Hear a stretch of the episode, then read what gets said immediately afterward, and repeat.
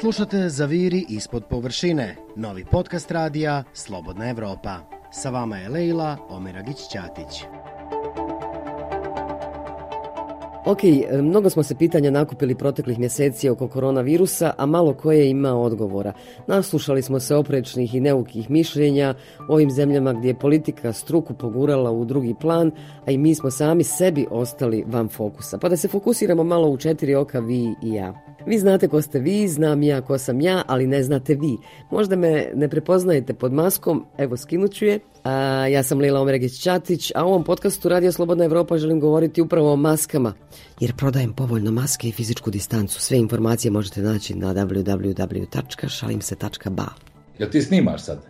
Snimam, ajmo ponovo. A ti ono da kaže pozdravljam sve u studiju, to, pa to mi je, joj, pa, a naročito simpatičnu voditeljicu. Sanjam to, hajde, hajde ozbiljno. Ajmo lagano. Želim dakle govoriti o maskama koje sad svi moramo da nosimo, a smetaju nam i da koncentrišu. Posebno tišti možda i najvažnije mjere lične zaštite, a koja nas dovodi u neprirodno emotivno stanje, e, to je držanje fizičke distance. Prvo ću o maskama, one su mi prirasle srcu. Možda blesavo zvuči, ali otkako se pojavio koronavirus, bavim se maskama. Mislim da sam ih do danas promijenila bar 20 raznih veličina, oblika, sastava, boja i dezena. Prvo su bile one sa FFP3 filterom, što su mi ostale od prošlogodišnje zimnice, kada je Sarajevo bilo prvo na svjetskoj top listi zagađenih gradova, ali od tih maski boli nos. Pa sam onda prešla na one od kojih ti otpadaju uši. Ima jedna i dizajnerska kojoj je filteru istekao rok trajanja, a sada imam nekoliko onih tekstilnih, lagane, ljetne. I kad nisu na licu, onda mogu da se nose oko vrata kao marama. Šta znam, mislim, tražim fizičku prisnost tim maskama kad mi je korona već oduzela fizičku prisnost s ljudima. I tako jedan dan, šetajući gradom, uhvatila sam se na dijelu. Pa i nije tako loše ovo hodanje ispod maske, mislim, može čovjek da zjeva, može čovjek da priča sam sa sobom hodajući ulicom, niko ne konta da ti pričaš sam sa sobom, možda i konta, možda misle da je pošto je puklo, nema niko masko oko mene. Mm, u prodavnicama ono kad se ulazi, kao moraš staviti masku, ali na ulici bukvalno nema niko. Uglavnom ja sam sad malo zjevala, niko nije primijetio da zjevam. Šta još mogu da radim ispod maske da niko ne primijeti? Mogu da, mogu da pravim face.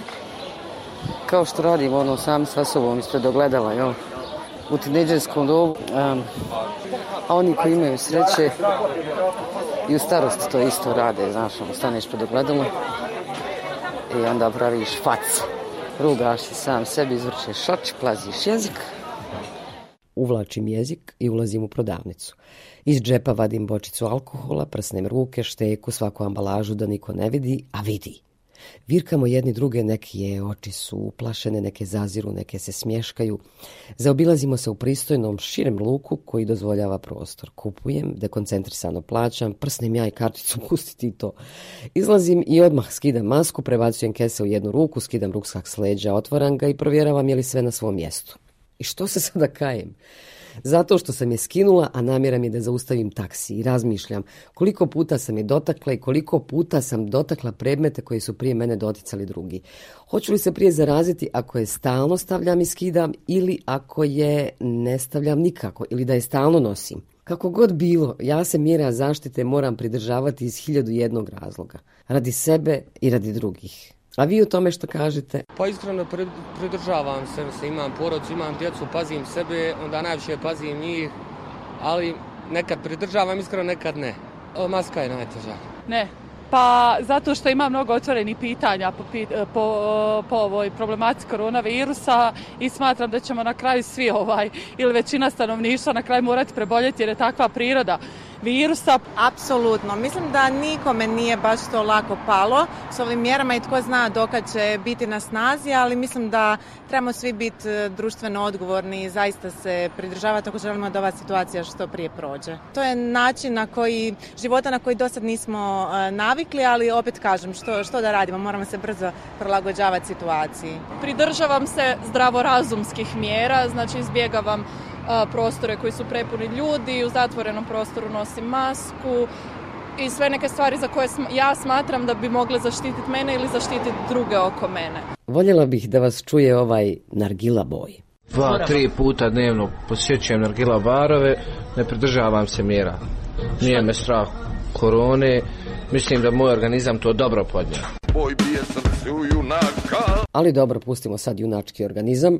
Postoji sociološko-psihološko objašnjenje i za njegove postupke, a okrenimo se situaciju u kojoj poštujemo sve mjere, ali smo pod emotivnim stresom. Scena je sljedeća. Nakon dugo vremena u gradu se sreću dvije prijateljice. Idu jedna prema drugoj, dva osmijeha, dvije ulične radosti. Zagrlja i poljubac nameće se kao neminovan. Maknuću glavu u stranu, misli jedna. Pa ne lete virusi tako lako, ići ću s lijeve strane da nam lice ne dolaze u kontakt, misli druga. A šta ako lete? Neka se ova slika na trenutak zamrzne, a mi ćemo da čujemo psihoterapeutkinju iz Bijeljine, Slađanu Cvjetković. U komunikaciji, znači negdje oko 70% ide na tu neku neverbalnu komunikaciju. 30% je nešto što mi pa baziramo na ovom verbalnom razumijevanju, dok je neverbalno također značajno. To je pokret, gest, zagrljaj. Mi smo često pričali i govorili a ranije a koliko je važno znači, za sve nas da budemo u nekom tom fizičkom kontaktu sa drugim, a koliko je važan zagrljaj. Također smo a govorili da je zagrljaj taj koji kada praktikujemo, kada se zagrlimo, eh, dovodi do, do lučenja hormona zadovoljstva, opušta. Međutim, sada nam je to uskraćeno. Znači, hormon zadovoljstva nam se ukoči od straha. Slika je još uvijek zamrznuta, njih dvije stoje u pokretu da se zagrle, jedna sasvim covidodnevna ljudska šeprtljevost. Ukratko nenormalno, pa zar nije? I razumljivo je da budemo uznemireni sada i da doživimo strah. Ali strah je jedna pozitivna emocija koja je evolucijski znači, dovela čovjeka do ovdje gdje jeste, jer ona nas znači, motiviše da, da preduzmemo mjere da se zaštitimo. Mi te mjere imamo, od stručnih organa smo ih dobili i preporuke i naše je da ih primjenjujemo. Možemo da iskontrolišemo svoj dio i svoje ponašanje i ljudi na koje imamo veće uticaje. U tome je naša moć. Hvala psihoterapeutkinji Cvjetković koja je govorila o našim psihološkim stanjima tokom izolacije i kako da se nosimo s njima. Ista stvar je i sada ne bi trebalo da se grlimo, ljubimo i da budemo u fizičkom kontaktu, ali sad smo već prešli na napredniji nivo. Sada bismo trebali kao pojedinci da budemo odgovorni jer život ide dalje, a skupa s njim ide i korona. Opasan ples plešemo sa koronavirusom prepušteni svako od nas svojoj i tuđoj odgovornosti. Šta kaže sarajevski infektolog Bakir Nakaš? E, nažalost, sa ovim ukidanjem mjera popustila je i odgovornost na neki način. E, prvenstveno iz razloga što svak želi da nadoknadi nešto što je propustio. Da li su to propuštene kafe u kafićima, da li su to propuštene posjete u tržnim centrima, da li su to e, propuštene vožnje u javnom prevozu. Sve je to nešto što je nas ponovo približilo i mi smo sad u situaciji da na svakom koraku imamo potencijalnu mogućnost da budemo zaraženi. Opasan ples, dakle plešemo sa koronavirusom, ali koraci nisu teški. Pazi, lagani okret glave u stranu zatvorenih usta i bez udaha, bez naglih pokreta i strogo odvajanje od figure koja korača ka tebi, ali se ne smije ostaviti utisak izbjegavanja i krutosti. Gledaj, gibanje je elegantno ono kao fleksibilnost koja liči na kretanje mačke, jednostavni koraci, naprijed natrag, lagani trzaj glavom, figuru preko puta vas gledate odlučno, ali sa izvinjenjem. Očekujete razumijevanje i koliko god vas pogled nosi, bježite.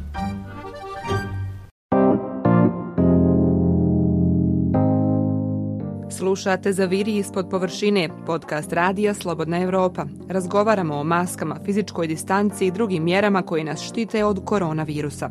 Sa vama je Lejla Omeragić-Ćatić.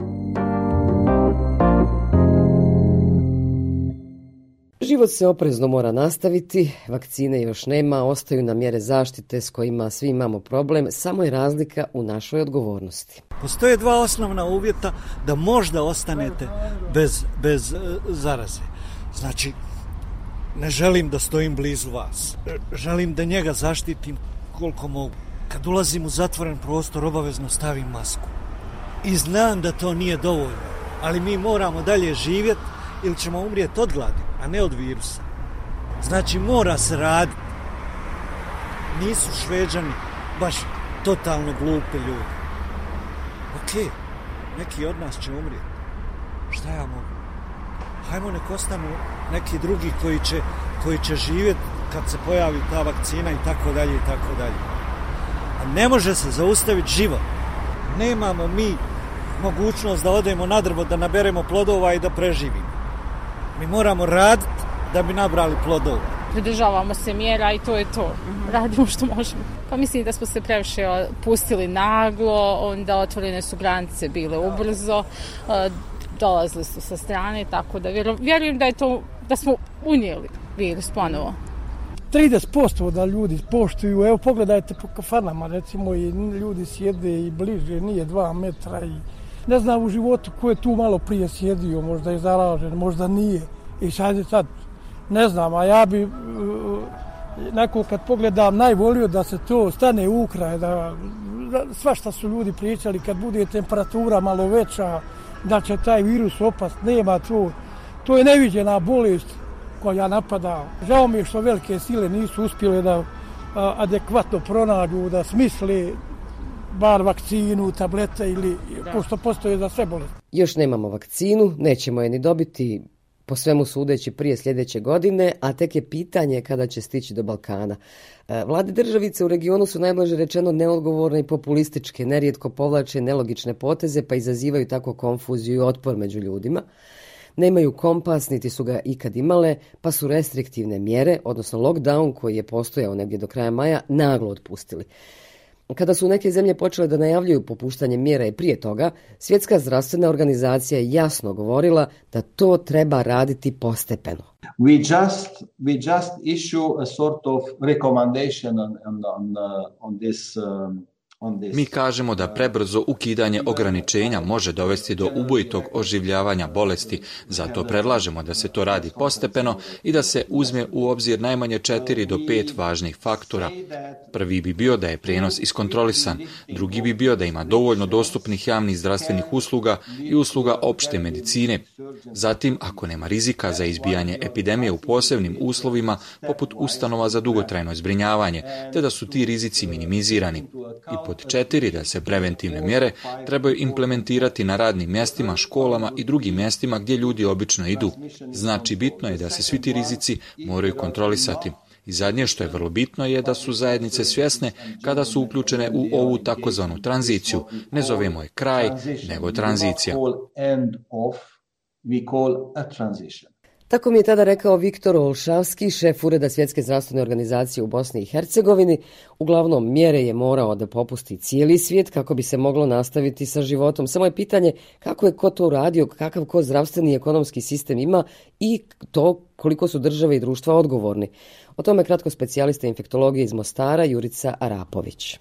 Sve skupa liči na jednu socijalnu neodgovornost i to je ono što uporno govorim, zapravo mi a, nismo dovoljno naučili iz ovih 60 dana restriktivnih mjera kada smo stavili pod kontrolu taj prvi udar pandemije covid u Bosni i Hercegovini i sve drugo je praktično dijelo i oličenje naše neozbiljnosti. Također, trenutno e, se ne vidi ni političke odgovornosti na državnom nivou, ali također ni socijalne odgovornosti e, među, među pučanstvom.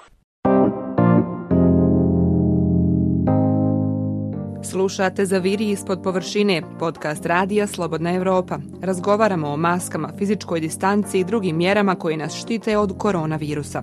Sa vama je Lejla Omeragić-Ćatić.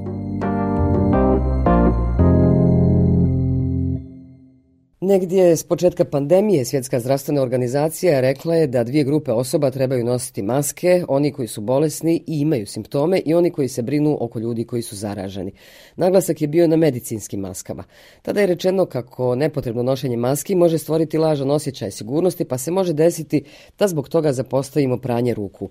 A isto tako da bi neispravno korištenje maske također moglo smanjiti učinkovitost u smanjenju rizika od prenosa infekcije.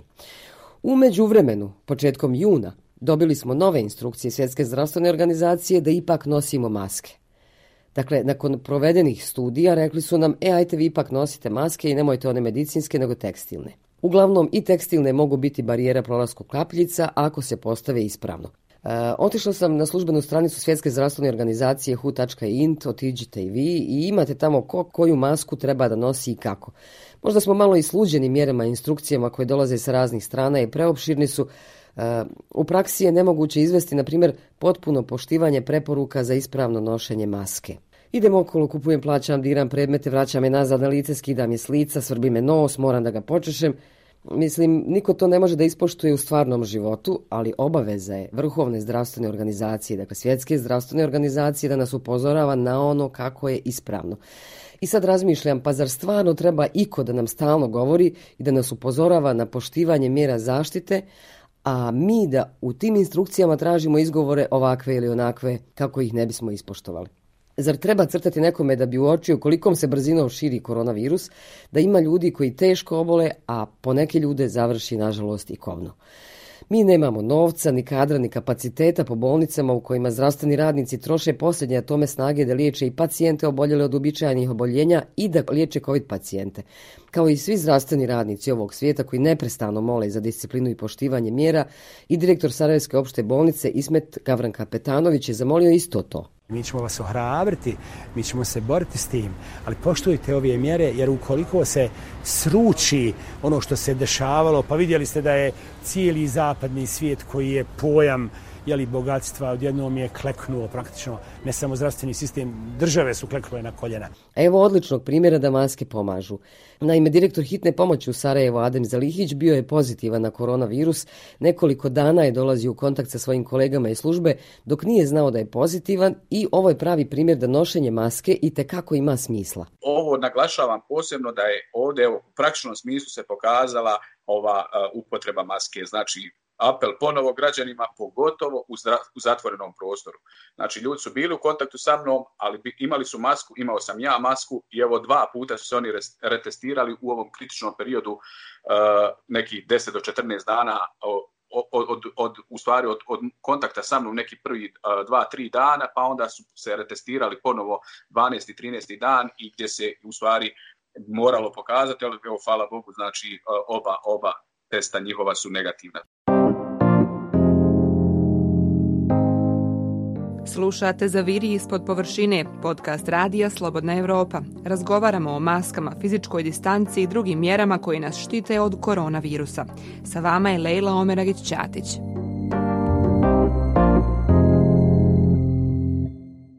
Slika dvije prijateljice koje su se srele na ulici u doba koronavirusa, željne da se zagrle, još uvijek je zamrznuta. Evo nekoliko dana ih držim tako, a ne bi trebalo jer me već postaje strah Zato tražim pomoć Sandre Muratović, psihologa. Šalim se, naravno. E, ne zato, imam hiljadu jedno pitanje, na neka odgovori postoje, na neka naravno ne. Standardno, ne pitam za sebe, za prijateljicu pitam. A, vrlo, vrlo onako jedno škakivo pitanje. S emotivne strane pusti ih, naravno, ja šta ćeš, nego ćeš ih pusti da se zagrle. S druge strane, sad radi ove situacije kakva jeste, morat ćemo naći neko, neko drugo rješenje koje do sad nismo nikako imali. To je? Ne znam. ne, znači, ne znam. Ne znam. Hajmo pitat pa, nekog drugog. E, možda, bismo, možda bismo mogli pitati ovu tetu koja dolazi. Dobar dan. Imam jednu situaciju. Dvije prijateljice koje se nisu dugo vidjele. I krenule su da se zagrle. Međutim, s obzirom na koronavirus i na sve mjere koje imamo, imamo zamrznutu sliku te dvije prijateljice i ne znam šta da radim. Da li da ih pustim da se zagrle ili da ih ne pustim. Pustite i nek se zagrle. Pa je li opasno? Mene nije. Kaže, kaže žena pustite ih nek se zagrle. Ne znam, ne znam, vrlo teško. Morat ćemo mijenjati neke, neke navike, izgleda kako je krenulo. Aha. E dobro, ovako, meni se čini da što se poštivanja mjera zaštite tiče, otprilike je to negdje da se ispoštuje forma. A fizička distanca čini mi se samo prema onome koga ne poznajemo, jel? Ili nije baš tako? Kakve su? Pa ja... procene. Dakle, ti i ja kad se sretnemo, uh -huh. da li se trudimo da držimo tu fizičku distancu od dva metra ili je metari. Ali u prodavnici kad smo, vodimo dobro računa da je fizička distanca Aha, ili na ulici. Da, da, da. Misliš, ako sam te dobro shvatila, kako mi u stvari to interpretiramo. Ja. Ja, da. A, pa dobro, u, principu, budući da je, hajde da, da krenemo od toga rad čega treba održavati fizičku distancu, znači od neke prijetnje, neka je prijetnja tu, ovaj moguća prijetnja zarazom i onda naravno ovaj da ćemo da ćemo tu fizičku distancu više nekako održavati, više o njoj voditi računa kad su nepoznati ljudi u pitanju nego kad su poznati. Iz nekih jel, razloga koji se mogu naslutiti, a to je da ovaj generalno eh, kroz historiju evolucijski ako gledaš ljudi imaju više su onako jel sumljičavi prema nepoznatim ljudima nego pri, prema pripadnicima recimo svog naroda što je jedan od mogućih objašnjenja e, stereotipa, predrasuda i slično. Upravo da se ne bi prenosile razne bolesti. Može se objasniti kao, kao povećana sumničavost u nepoznatu osobu, šta nosi sa sobom, odakle dolazi i samim tim da li na sebi ima, da li u sebi ima neku, ne znam, infekciju koju može dalje da, da prenese. Ja, ali ova infekcija koja se sad prenosi može da ima i neko poznat, a da ne zna. Tako je, tako je, tako je. Samo što je stvar vjerovanja ljudi, a ne, ne činjenice. U principu te mjere trebaju biti za sve. E sad je ovaj čudno kako ljudi lakše prihvataju nepoštivanje mjera uh -huh. i negiranje virusa tako što sebi nalaze objašnjenje u nekakvim zavjerama. Šta bi moglo biti objašnjenje? Jo, ima puno objašnjenja, to mi je super tema. Hvala ti što smo to pitala. E, generalno, teorije zavjere, znači čini se kao da je to jedan univerzalni kulturološki fenomen, nije to samo kod nas. Vidimo, evo sad imamo ne znam, informacije preko interneta iz cijelog svijeta i svugdje su te teorije zavjere prisutne, ne samo vezane za COVID, nego generalno i za vakcine, i za harpove, i za sve one druge stvari. Ovaj, imaju istraživanja nekako govore znači o, o uzrocima zašto neki ljudi vjeruju prije u teorije zavire nego u naučno objašnjenja.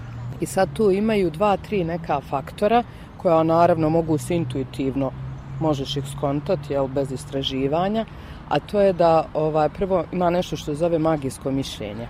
To je kada ljudi vjeruju u paranormalne stvari, kada vjeruju recimo tumačenje snova, vjeruju da ono urokljive oči i slične stvari, što je kod nas na Balkanu vrlo, vrlo izraženo. Ova, ima druga stvar, a to je nedostatak ili vrlo smanjena informacijska pismenost. Znači, ne znamo čitati informacije, ne znamo kritički razmišljati o njima, nismo naučeni u školi prije svega, pa ni kući. I treća stvar koja je meni vrlo interesantna jeste narcisoidnost. Narcisoidnost u smislu uh, osobine ličnosti gdje ja ako vjerujem u teorije zavjere to mi daje neku, hajde da kažem neki osjećaj da ja nešto znam što drugi ne znaju i onda na taj način može se objasniti i agresivnost jel, koja stoji iza promovisanja teorija zavjere u smislu po društvenim mrežama da su to uvijek ono vrlo napadački recimo postovi ili informacije koje se dijele čisto da bi se skrenula pažnja na osobu ili na grupu koju ja pripadam.